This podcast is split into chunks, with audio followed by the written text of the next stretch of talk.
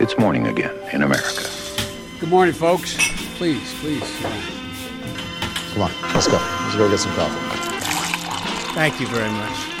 Det er torsdag 25. juni, det er 131 dager igjen til presidentvalget, og den nest siste utgaven av Morgenkaffen før sommerferien er servert. Aller først, Obama hadde følgende å si om Biden under en digital pengeinnsamling tidligere i uken. I am here to say that uh, help is on the way if we do the work because uh, there's nobody that I trust more to be able to heal this country and get it back on track uh, than my dear friend Joe Biden. Biden-kampanjen samlet inn 11 millioner takket være Obamas deltakelse. Dagens hovedsak Biden med dominerende ledelse.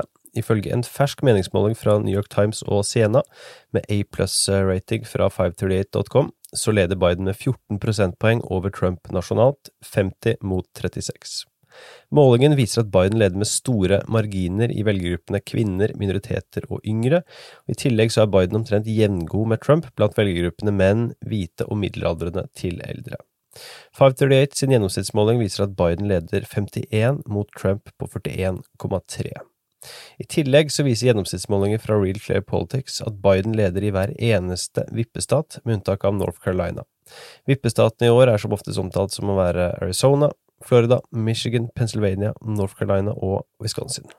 Dagens andre og siste sak. Guvernørene i New York, New Jersey og Connecticut har pålagt besøkende fra flere andre delstater karantene. Karanteneplikten gjelder ni stater som har det til felles at de alle overstiger en gitt terskel i smittetall og smittespredning. De aktuelle statene er Alabama, Arkansas, Arizona, Florida, North Carolina, Washington, Utah og Texas. Særlig New York har vært et episenter for koronaviruset i en tidligere fase, der flere hundre døde daglig. Tiltaket skal bidra til at smittespredningen minker, sier New York-guvernør Andrew Cuomo.